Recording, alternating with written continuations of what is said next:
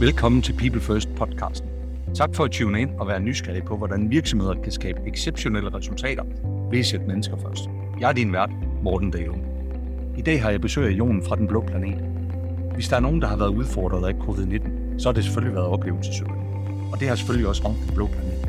Så i min samtale her med Jon kommer vi til at tale omkring kriseledelse, vi kommer til at tale om transparent, og faktisk så går det op for mig, at det her med at have et stærkt formål også hjælper i en krise.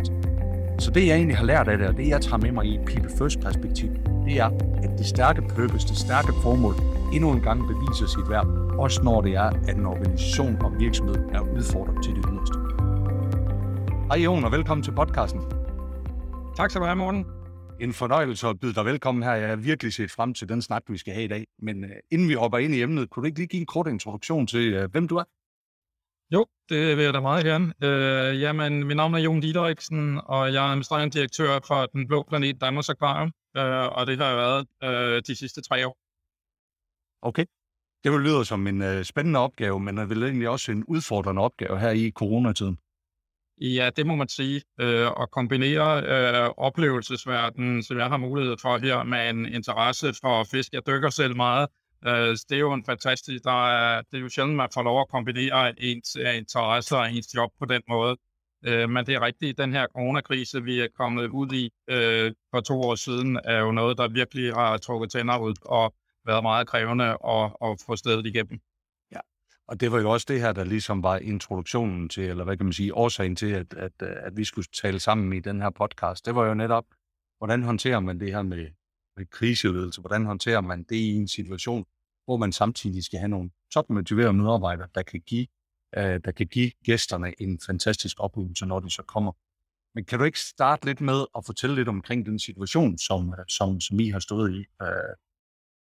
Jo, øh, jamen, øh, Den Blå Planet øh, er jo Danmarks Akvarium, der oprindeligt flyttede ud fra Charlotte her til Kastrup i øh, 2013. Øh, og det var en stor succes, succes, succes lige da man åbnede, men øh, derefter så gik det desværre voldsomt ned ad bakke, og økonomien har været meget, meget dårlig i en række år, øh, og man har tabt rigtig, rigtig mange penge. Øh, og der kom jeg så til i, i en opgave om at få styr på forretningen og få styr på det, og se om det overhovedet kunne lade sig gøre som privat virksomhed, og det er faktisk det, vi er, og, og få det til at hænge sammen i den her oplevelsesvirksomhed. Øh, Øh, mange oplevelsesvirksomheder er sådan halvoffentlige, øh, og man bliver så en erhvervsdrivende fond, og dermed en helt privat virksomhed, der skal have det til at hænge sammen på almindelige øh, erhvervsvilkår, øh, om jeg så må sige. Og øh, det var så det, der var min opgave, og øh, det kom jeg så til i godt et års tid og rettede op på det, og vi fik faktisk et, et, øh, et resultat øh, økonomisk, øh, der lige var over på de sorte tal øh, efter det første år halvandet, jeg havde været her. Så det var øh, fantastisk, at jeg kunne vende skuden på den måde og faktisk få styr på økonomien og vise, at det godt kunne lade sig gøre. Øh, men så blev vi så det bragt ud af kurs igen, og der skete jo simpelthen det, vi blev lukket ned af, af statsministeren der den 12. marts øh, for ja, små to år siden. Og det er klart, at når ens hovedindtægtsgrundlag fra den ene dag til den anden forsvinder, og det er, at vi lever altså kun af gæsterne og det, vi kan tjene på dem, der er ikke andre indtægtskilder hos os.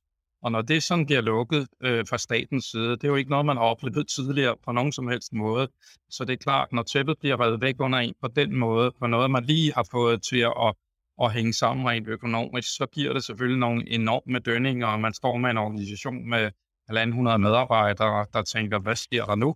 Og den uvidshed, der var over det, som jo var over en bred kamp i samfundet, den påvirker selvfølgelig alle, efter at have været igennem den her oprydningsperiode, øh, som jo også altid er krævende. Så kommer man ind i den her anden periode, som bliver noget helt andet, og noget, der kommer helt udefra, som der ikke rigtig nogen, der kender til. Og det giver selvfølgelig nogle voldsomme dønninger, og man skal vende sig til at tilpasse sig og meget hurtigt justere efter de her nye år. Øh, men en af opgaverne på det tidspunkt var jo netop at holde personalet tæt til sig og forklare, hvad det var, vi gjorde, og samtidig øh, hele tiden justere efter de ting, der kom udefra. Det vil sige, det er staten ligesom meddelte, hvad kunne man få hjælp, og hvad kunne ja. man gøre øh, for at komme videre i den her fase. Øh, men det var ret hurtigt klart, at vi sendte rigtig mange medarbejdere hjem, øh, hvilket også var en meget, meget speciel oplevelse, fordi jeg skal jo passe huset og dyrene her. Så det her, at man kan sende folk på lønkompensation hjemme, det gav jo ikke rigtig mening hos os, hvis vi nu skal være helt ærlige, fordi hovedparten af vores folk, det er altså nogen, der passer på dyrene og huset. Så selvom der ikke var nogen gæster, så skulle vi faktisk rigtig, rigtig mange på arbejde alligevel. Ja, Jon, jeg tænker på, du sad sikkert og så øh, pressekonferencen med Mette Frederiksen, der den 11. eller 12. marts, øh, da det her det blev meldt ud. Kan du huske, hvad der gik igennem dit hoved på, under den pressemeddelelse? Eller, eller under det pressemøde?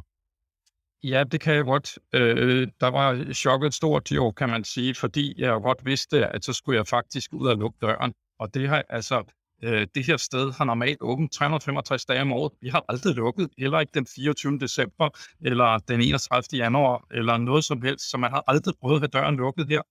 Så det her med, at man pludselig lukker døren, og dermed stopper indtægterne, sådan bare lige uden at kende, hvad er det så, vi kan, og hvordan løser vi det så? Og man skal altså tænke på det tidspunkt, der var vores kasse altså stort set tomt jo, øh, fordi vi har været igennem den her voldsomme proces, det så man har tabt rigtig mange penge, men vi så for at rette det op.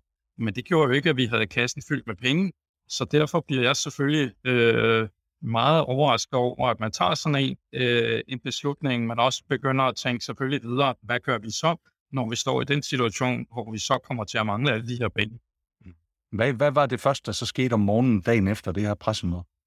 Jamen det første, vi gjorde, det var at samle alt personale. Øh, ganske enkelt samle dem op i vores auditorium og fortælle, at øh, nu lukker vi altså. Øh, og det har vi aldrig prøvet før. Jeg har sådan en helt grundlæggende tilgang til, jeg er meget øh, åben og transparent og fortæller om, hvordan jeg ser det, øh, både i, i gode og dårlige tider, så folk ved, at når jeg siger sådan noget, så kan de regne med, at det, det er så det, det er og jeg fortæller det, jeg ved. Og der er det klart, der bliver alle jo øh, nervøse over, at der ikke, man ikke kan fortælle præcis, hvad det betyder, og hvad, hvad der kommer til at ske ud over den, en, den enkelte dag. Og jeg var nødt til at sige, at nu lukker vi. Vi sætter simpelthen øh, et skilt op om, om vi er lukket, og så finder vi ud af, hvordan passer vi så huset og dyrene, mens jeg og den øvrige ledergruppe så gik i gang med at undersøge, hvad er det så, vi kan. Og hvad, hvad, hvordan, så, hvordan reagerede folk på det? Jamen, der var øh, jo stor overraskelse, fordi igen, man havde aldrig prøvet det her før.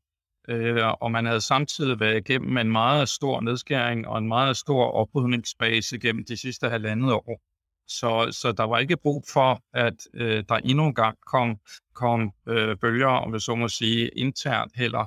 Men det var nok mest præget af overraskelse, fordi folk jo godt kunne følge med i pressen i øvrigt og se, hvad der skete rundt omkring, at det var ikke kun os, så det blev heldigvis spredt mere ud, at det var en større samfundsmæssig ting, og det ikke var sådan noget, hvor vi skulle kigge indad og se, at vi skulle gøre noget specifikt. Ja. Du fortalte, at så, så skulle ledergruppen sætte sig sammen, og så lavede I en uh, plan eller for, for, hvordan det her det skulle, det, skulle, det skulle håndteres, kan man sige. Kan du sætte lidt flere ord på, hvordan I, hvad I gjorde der? Ja, der gjorde vi jo simpelthen det. Vi, vi satte os ned og så på alle de mulige scenarier, der var. For på det tidspunkt vidste man jo ikke, om man skulle prøve at opdele personalet Øhm, så en af de ting, vi gjorde, det var faktisk at dele huset op, øh, så dem, der skulle være på arbejde, kunne deles op i nogle bobler på det tidspunkt. Og det ved jeg godt, nu snakker alle om bobler her to år efter, men det var der altså ikke nogen, der gjorde på det tidspunkt. Så vi gik meget øh, praktisk til værks og delte det for op, så folk ikke kom i, i forbindelse med alt for mange. Så vi lavede nogle små hold, der så havde adgang i nogle aflo- eller afdelte øh, områder her på den blå planet, og så tog de ansvaret for det. Så vi gik ret hurtigt over i den her og sige, jamen nu, hvordan beskytter vi stedet bedst muligt? Og når man har med folk at gøre, der har med dyr at gøre, det er jo typisk meget passionerede mennesker, så de går heldigvis meget hurtigt over i den her, siger, hvordan passer vi bedst muligt på dyrene? Og det blev jo vores hovedopgave meget hurtigt, at der var den interne del, pas på dyrene, sørge for, at det kører, og vi tager os godt af dem. Og så havde jeg opgaven med at finde ud af, hvordan kommer vi igennem økonomisk, øh, med det her, for det var folk jo godt klar over, at vi ikke havde uregnet penge stående i banken, der bare lige kunne få os igennem sådan en fase her. Ja. Så hvordan, hvordan blev det modtaget blandt medarbejderne? Fordi øh, som jeg også hører det, så er der vel også en forskel på, øh, eller to medarbejdergrupper i det. Der er vel dem, der passer på dyrene, som har måske en tilsvarende opgave, som de har haft før, men så er der vel også dem, der egentlig skal håndtere gæsterne, og det er vel en lidt anden opgave, de så stod overfor. Jamen, det er rigtigt. Øh, vi delte det hurtigt op i, i øh, netop dem, der havde med huset og dyrene at gøre, og så dem, der, der havde direkte med gæsterne at gøre. Og der sendte vi jo alle dem, der havde med gæsterne at gøre, dem sendte vi jo hjem øh, med det samme og sagde, I er hjemme indtil videre. I skal nok få jeres løn, men indtil videre er I hjemme, for vi skal være så få herude som overhovedet muligt. Og det vil sige, at alt det personale, der havde med butik og restaurant og billetsalg, alle dem, de røg hjem med det samme. Så her på planeten, der var vi dybest set bare mig og øh, to andre chefer, og så hele dyr- og driftsafdelingen. Så det var os, der, der holdt øh, skudene flydende, om jeg så må sige, herude. Ja. Så fast forward til i dag, og så to år med oplukninger, nedlukninger og krise og, hvad kan man sige, anden og tredje bølge. Hvordan har det så været at gå igennem øh, de sidste par år øh, hos Den Blå Planet? Jamen, det har jo været en meget anderledes opgave, kan man sige. Til gengæld er, øh, kan man sige, det her med at blive meget øh, forandringsparat og vant til at tage beslutning øh, på noget, der hele tiden ændrer sig, det er man jo øh, blevet super god til, fordi coronakrisen er jo et, et godt eksempel på det her med dynamiske og usikre forretningsmiljøer. Dem, der er gode til at tilpasse sig det, det er dem, der klarer sig bedst. Så det må jeg jo sige, det har man, jeg har fået meget stor træning i under det her, fordi det har ændret sig hele tiden.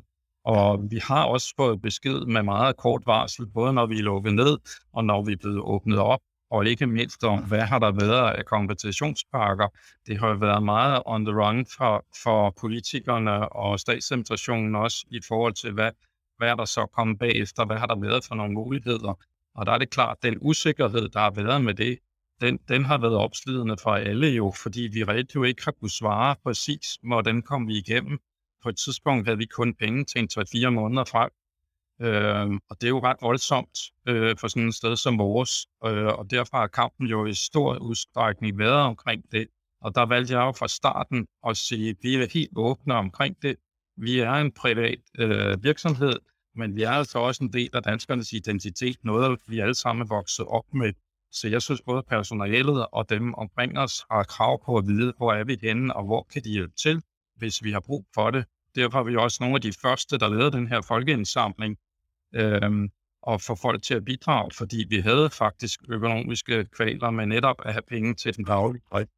Og, og det kan jo, det var der mange, der sagde, hvordan tog du ved Jamen, det gjorde jeg ud fra den betragtning, at det, den Danmarks Akvarie er noget, der ligger dybt i rigtig, rigtig mange mennesker, og som jo ikke er noget, der skal tjene penge til en masse aktionærer og have udbytte.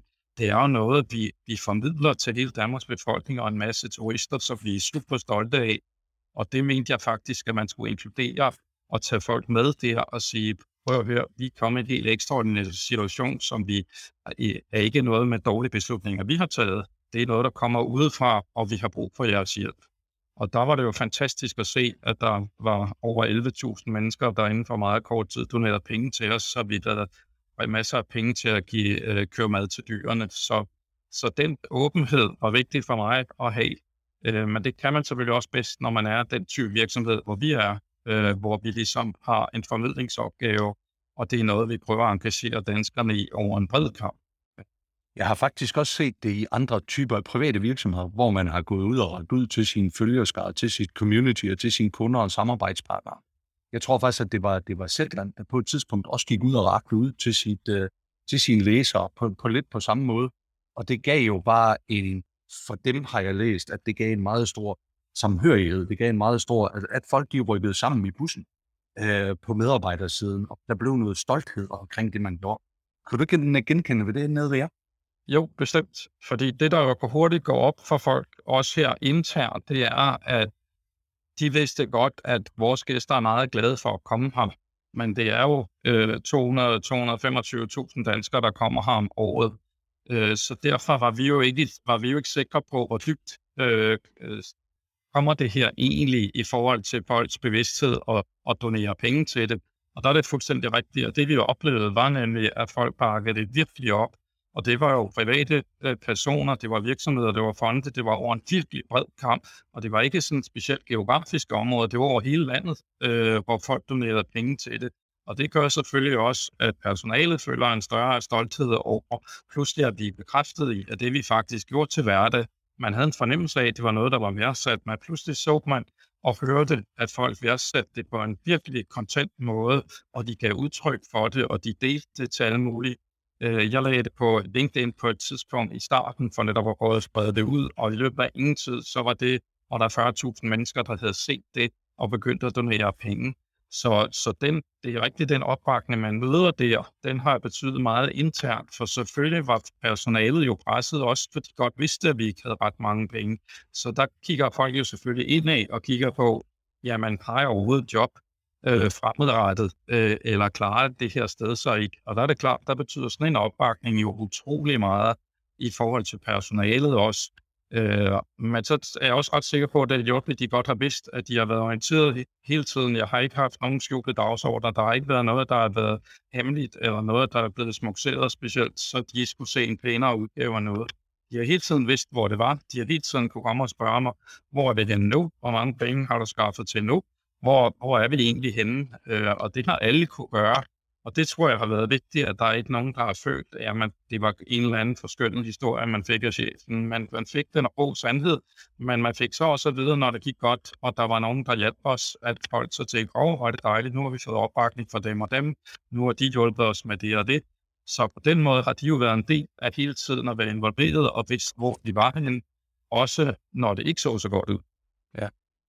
Så det, er, det, jeg hører dig sige her, og du bruger også til selv ordet, det handler jo rigtig meget om, om at skabe en transparens for sine medarbejdere, når der er en krise som det her, øh, som gør, at folk de får nogle, ja, den viden, der skal til, for at de også kan træffe de beslutninger, der er rigtige for dem selv jo, øh, i, i den proces.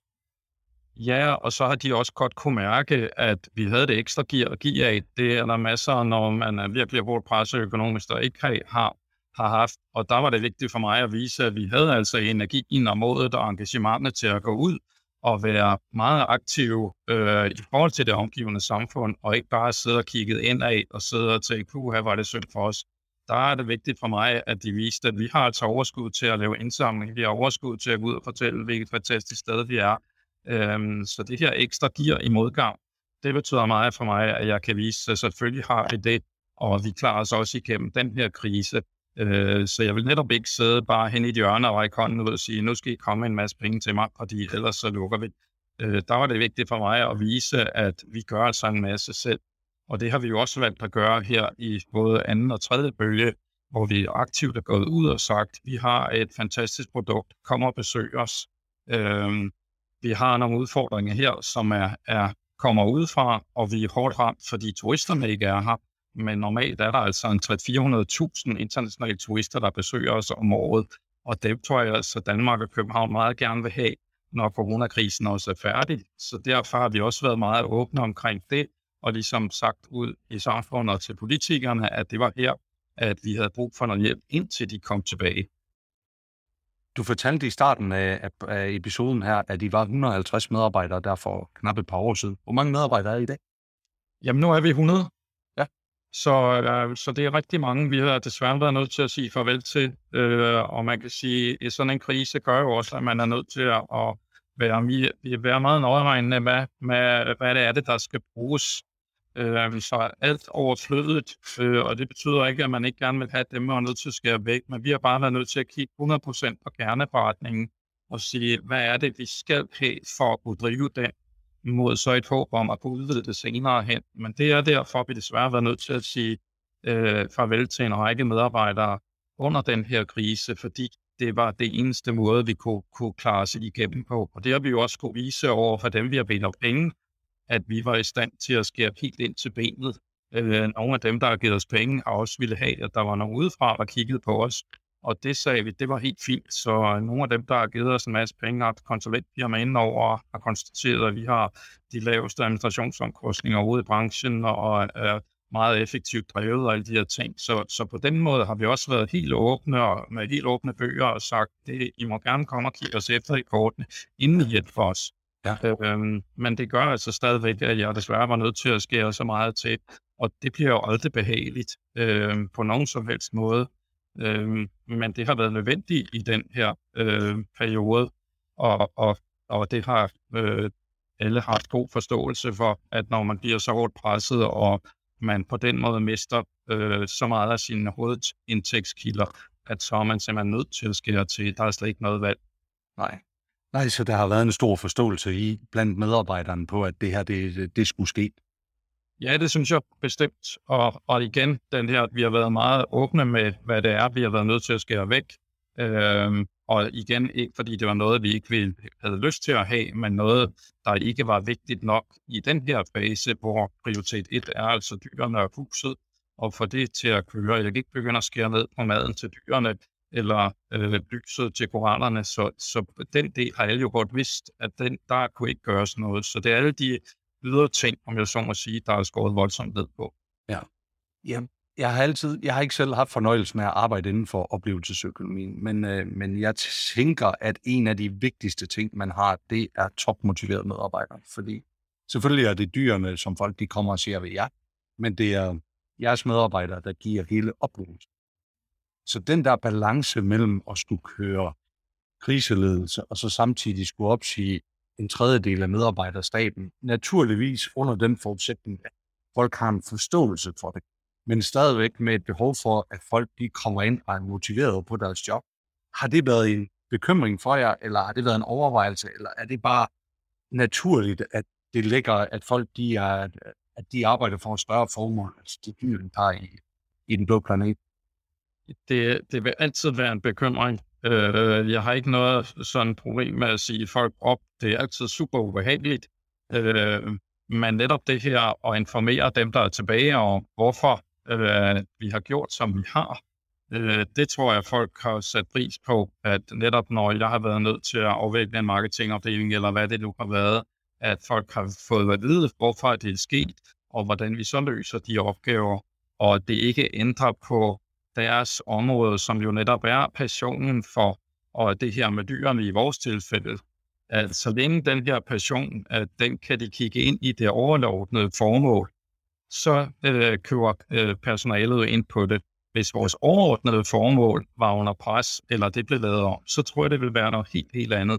Men så længe de kan se, at deres passion for dyrene og formidling på dyrene og livet i havet stadigvæk er det overordnede her, og det er derfor, vi er her, og der ikke er ændret ved det, så kan personalet langt nemmere forstå de andre besparelser, man er nødt til at gøre det. Så, så længe det overordnede formål er meget tydeligt, og alle er klar over, at det fortsætter vi med, så er det nemmere for dem at, at forstå og acceptere, at man er nødt til at foretage de andre besparelser. Ja. Faktisk en af de ting, jeg dyrker rigtig meget i det her med People First, det er det, at en organisation skal have et purpose eller et formål, som du siger. Uh, og det er jo både for at kunne skabe et community omkring sig, både at kunne tiltrække de rigtige medarbejdere, der er passionerede for det, de gør. Det er jo også at kunne fortælle en spændende historie til sine kunder og samle folk omkring det. Men det er åbenbart også, og det går så egentlig op for mig nu her, det er åbenbart også et redskab, hvis man står i nogle udfordringer, øh, eller mulighed for at kunne i tale det og bruge det, nu lyder det så negativt, men, men, men egentlig at det er det, der igen bliver omdrejningspunkter for at løse nogle af de større problemstillinger, man står overfor. Ja, det gør det, det alle holder fast i, og så længe man alle har det som fælles referencepunkt, så er det nemmere at klare alle de andre øh, påvirkninger, man bliver udsat for. Øh, og det er jo det, at, at øh, alle her kan godt kan mærke, det er, at vi er ingen af os, der er i tvivl om, at vores formål er at formidle om de her dyr, pas godt på dem, formidler man i havet øh, og i vandet, og det er jo mere aktuelt end nogensinde, og det kan alle jo godt mærke, at, at øh, man kan have alle mulige øh, holdninger til, til mange forskellige ting, men der er ingen tvivl om, at det her med miljøet og hvordan der er forurenet i vandet, i havet og i vandet og alt den slags. Det er jo mere aktuelt end nogensinde, noget som en meget langt bredere befolkningsgruppe er begyndt at engagere sig i. Det mærker vores ansatte jo, at vi er mere aktuelle på det område, man faktisk har været før. Før var det sådan lidt mere over i nogen, der var meget interesseret i fisk. Men det er jo bredt meget mere ud i dag til netop øh, en generel interesse for, hvad er det, hvis der bliver forurening i et, i et hav eller i Øresund et eller andet sted. Det er der jo mange flere, der er engageret i i dag og som vi taler med ind i, og hvor vi har en masse ekspertise, vi kan byde ind med. Og det mærker vores ansatte jo, så det overordnede formål er, er jo netop blevet, blevet mere bredt ud og mere interessant end nogensinde. Så derfor er der rigtig mange, der, der netop gerne vil arbejde de her steder, fordi det har et større formål. Og øh, jeg vil sagtens forstå øh, virksomheder, der arbejder for aktionærer. Det er jo en del af, af sådan forretningsverden skruet sammen. Det giver god mening, men her er det faktisk det bredere formål. Så det vil også sige, at de penge, vi, vi tjener, og det vi får ind, det bruger vi jo til at formidle og gøre endnu mere Der er ikke nogen, der tager penge ud af systemet her. Så, så det er jo det, der også er motiverende for medarbejderne. De ved, det er jo bedre, de gør det, og vi gør det i fællesskab, jo bedre og jo mere kan vi gøre, end det vi gør i dag. Så det er jo en ret stor motivationsfaktor netop med det overordnede formål, også når der så er lidt læsevær, og man er nødt til at foretage nogle af de kedelige ting. Ja, lige præcis. Jon, du sagde tidligere i samtalen også omkring, øh, at, at ledelsesopgaven øh, den var blevet lidt anderledes for jer. Øh, du havde oplevet, at I skulle være selvfølgelig meget mere forandringsparate, at I skulle være meget mere øh, dynamiske øh, på den måde, som I, som I gør tingene. Kan du sætte lidt flere ord på, på, på den del af det? Øh, hvordan I har gjort det, og hvad det er for nogle ting, I har gjort? Jamen, jeg, jeg ser jo meget sådan på ledelse som, at det er jo både et, et, et, et ansvar og en mulighed. Øhm, og, og ansvaret er jo netop, og, og, og du er ansvarlig for at lede de her mennesker, du har omkring dig. Øhm, og, og det ser man jo endnu, endnu tydeligere i sådan en krise, at der skal du lede dem og fortælle dem og hjælpe dem og coache dem og bruge meget tid på den, hvor vi jo ellers er vant til, at tingene kommer hurtigt til at gå lidt på autopilot. Øhm, og der skal man jo langt højere grad under sådan en krise her jo netop øh, tage det ansvar på sig, øh, fordi at der er en masse hjælp, man er nødt til at give til både mellemledere og til medarbejderne i at lede dem det de rigtige steder, og, og specielt her, hvor du skal finde mange nye løsninger øh, for sådan en, en attraktion som vores, og pludselig for at vide, at du ikke må bruge touchskærme og sådan noget. Det er jo sådan, hele formidlingen faldt sammen på en dag, da vi fik det at vide. Hele vores formidling er lavet med touchskærme. Øh, der er du jo nødt til at samle alle dem, der har med det at gøre, og ikke sidde og græde, men sige, hvad gør vi så, og hurtigt, hvad kan vi så gøre? Så der skal man jo netop lede dem hen og finde ud af, hvad kan vi så, hvordan udvikler vi noget hurtigt her, hvordan får man hurtigt folk til at gå i kreativ øh, mode til de her ting. Sådan har der været et utallige eksempler under den her coronakrise, hvor der hurtigt skal bringe nogle medarbejdere, der har et ansvar for noget, ind i en ny situation, og få dem til at komme med konstruktive løsninger og nye måder at gøre tingene på. Så på den måde er, er det ansvar øh, jo blevet meget mere tydeligt her under krisen, netop fordi autopiloten er sat lidt ud af kraft, øh, i hvert fald i, i vores branche i de her to år. Men det er måske så en af de positive ting, man kan tage med sig. Det er netop, at man får en oplevelse af, at man måske kan overkomme nogle af de større udfordringer. Man kan løse det. Man kan få inddrage medarbejderne, få dem til at komme med løsninger på touchskærm og alle de andre udfordringer, som der står.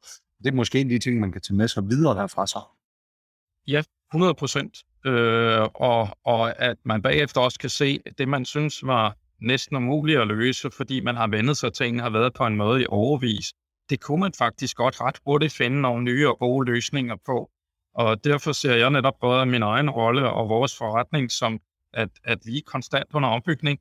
Øhm, det ser man andre steder, det er ligesom en periode, men jeg ser det som, at det er vi både sådan i min egen rolle og stedet her. Vi er under ombygning hele tiden og skal finde nye løsninger. Øh, vi var også pludselig nødt til at lave, lægge alt vores billetsalg over i det online-salg med timeslot.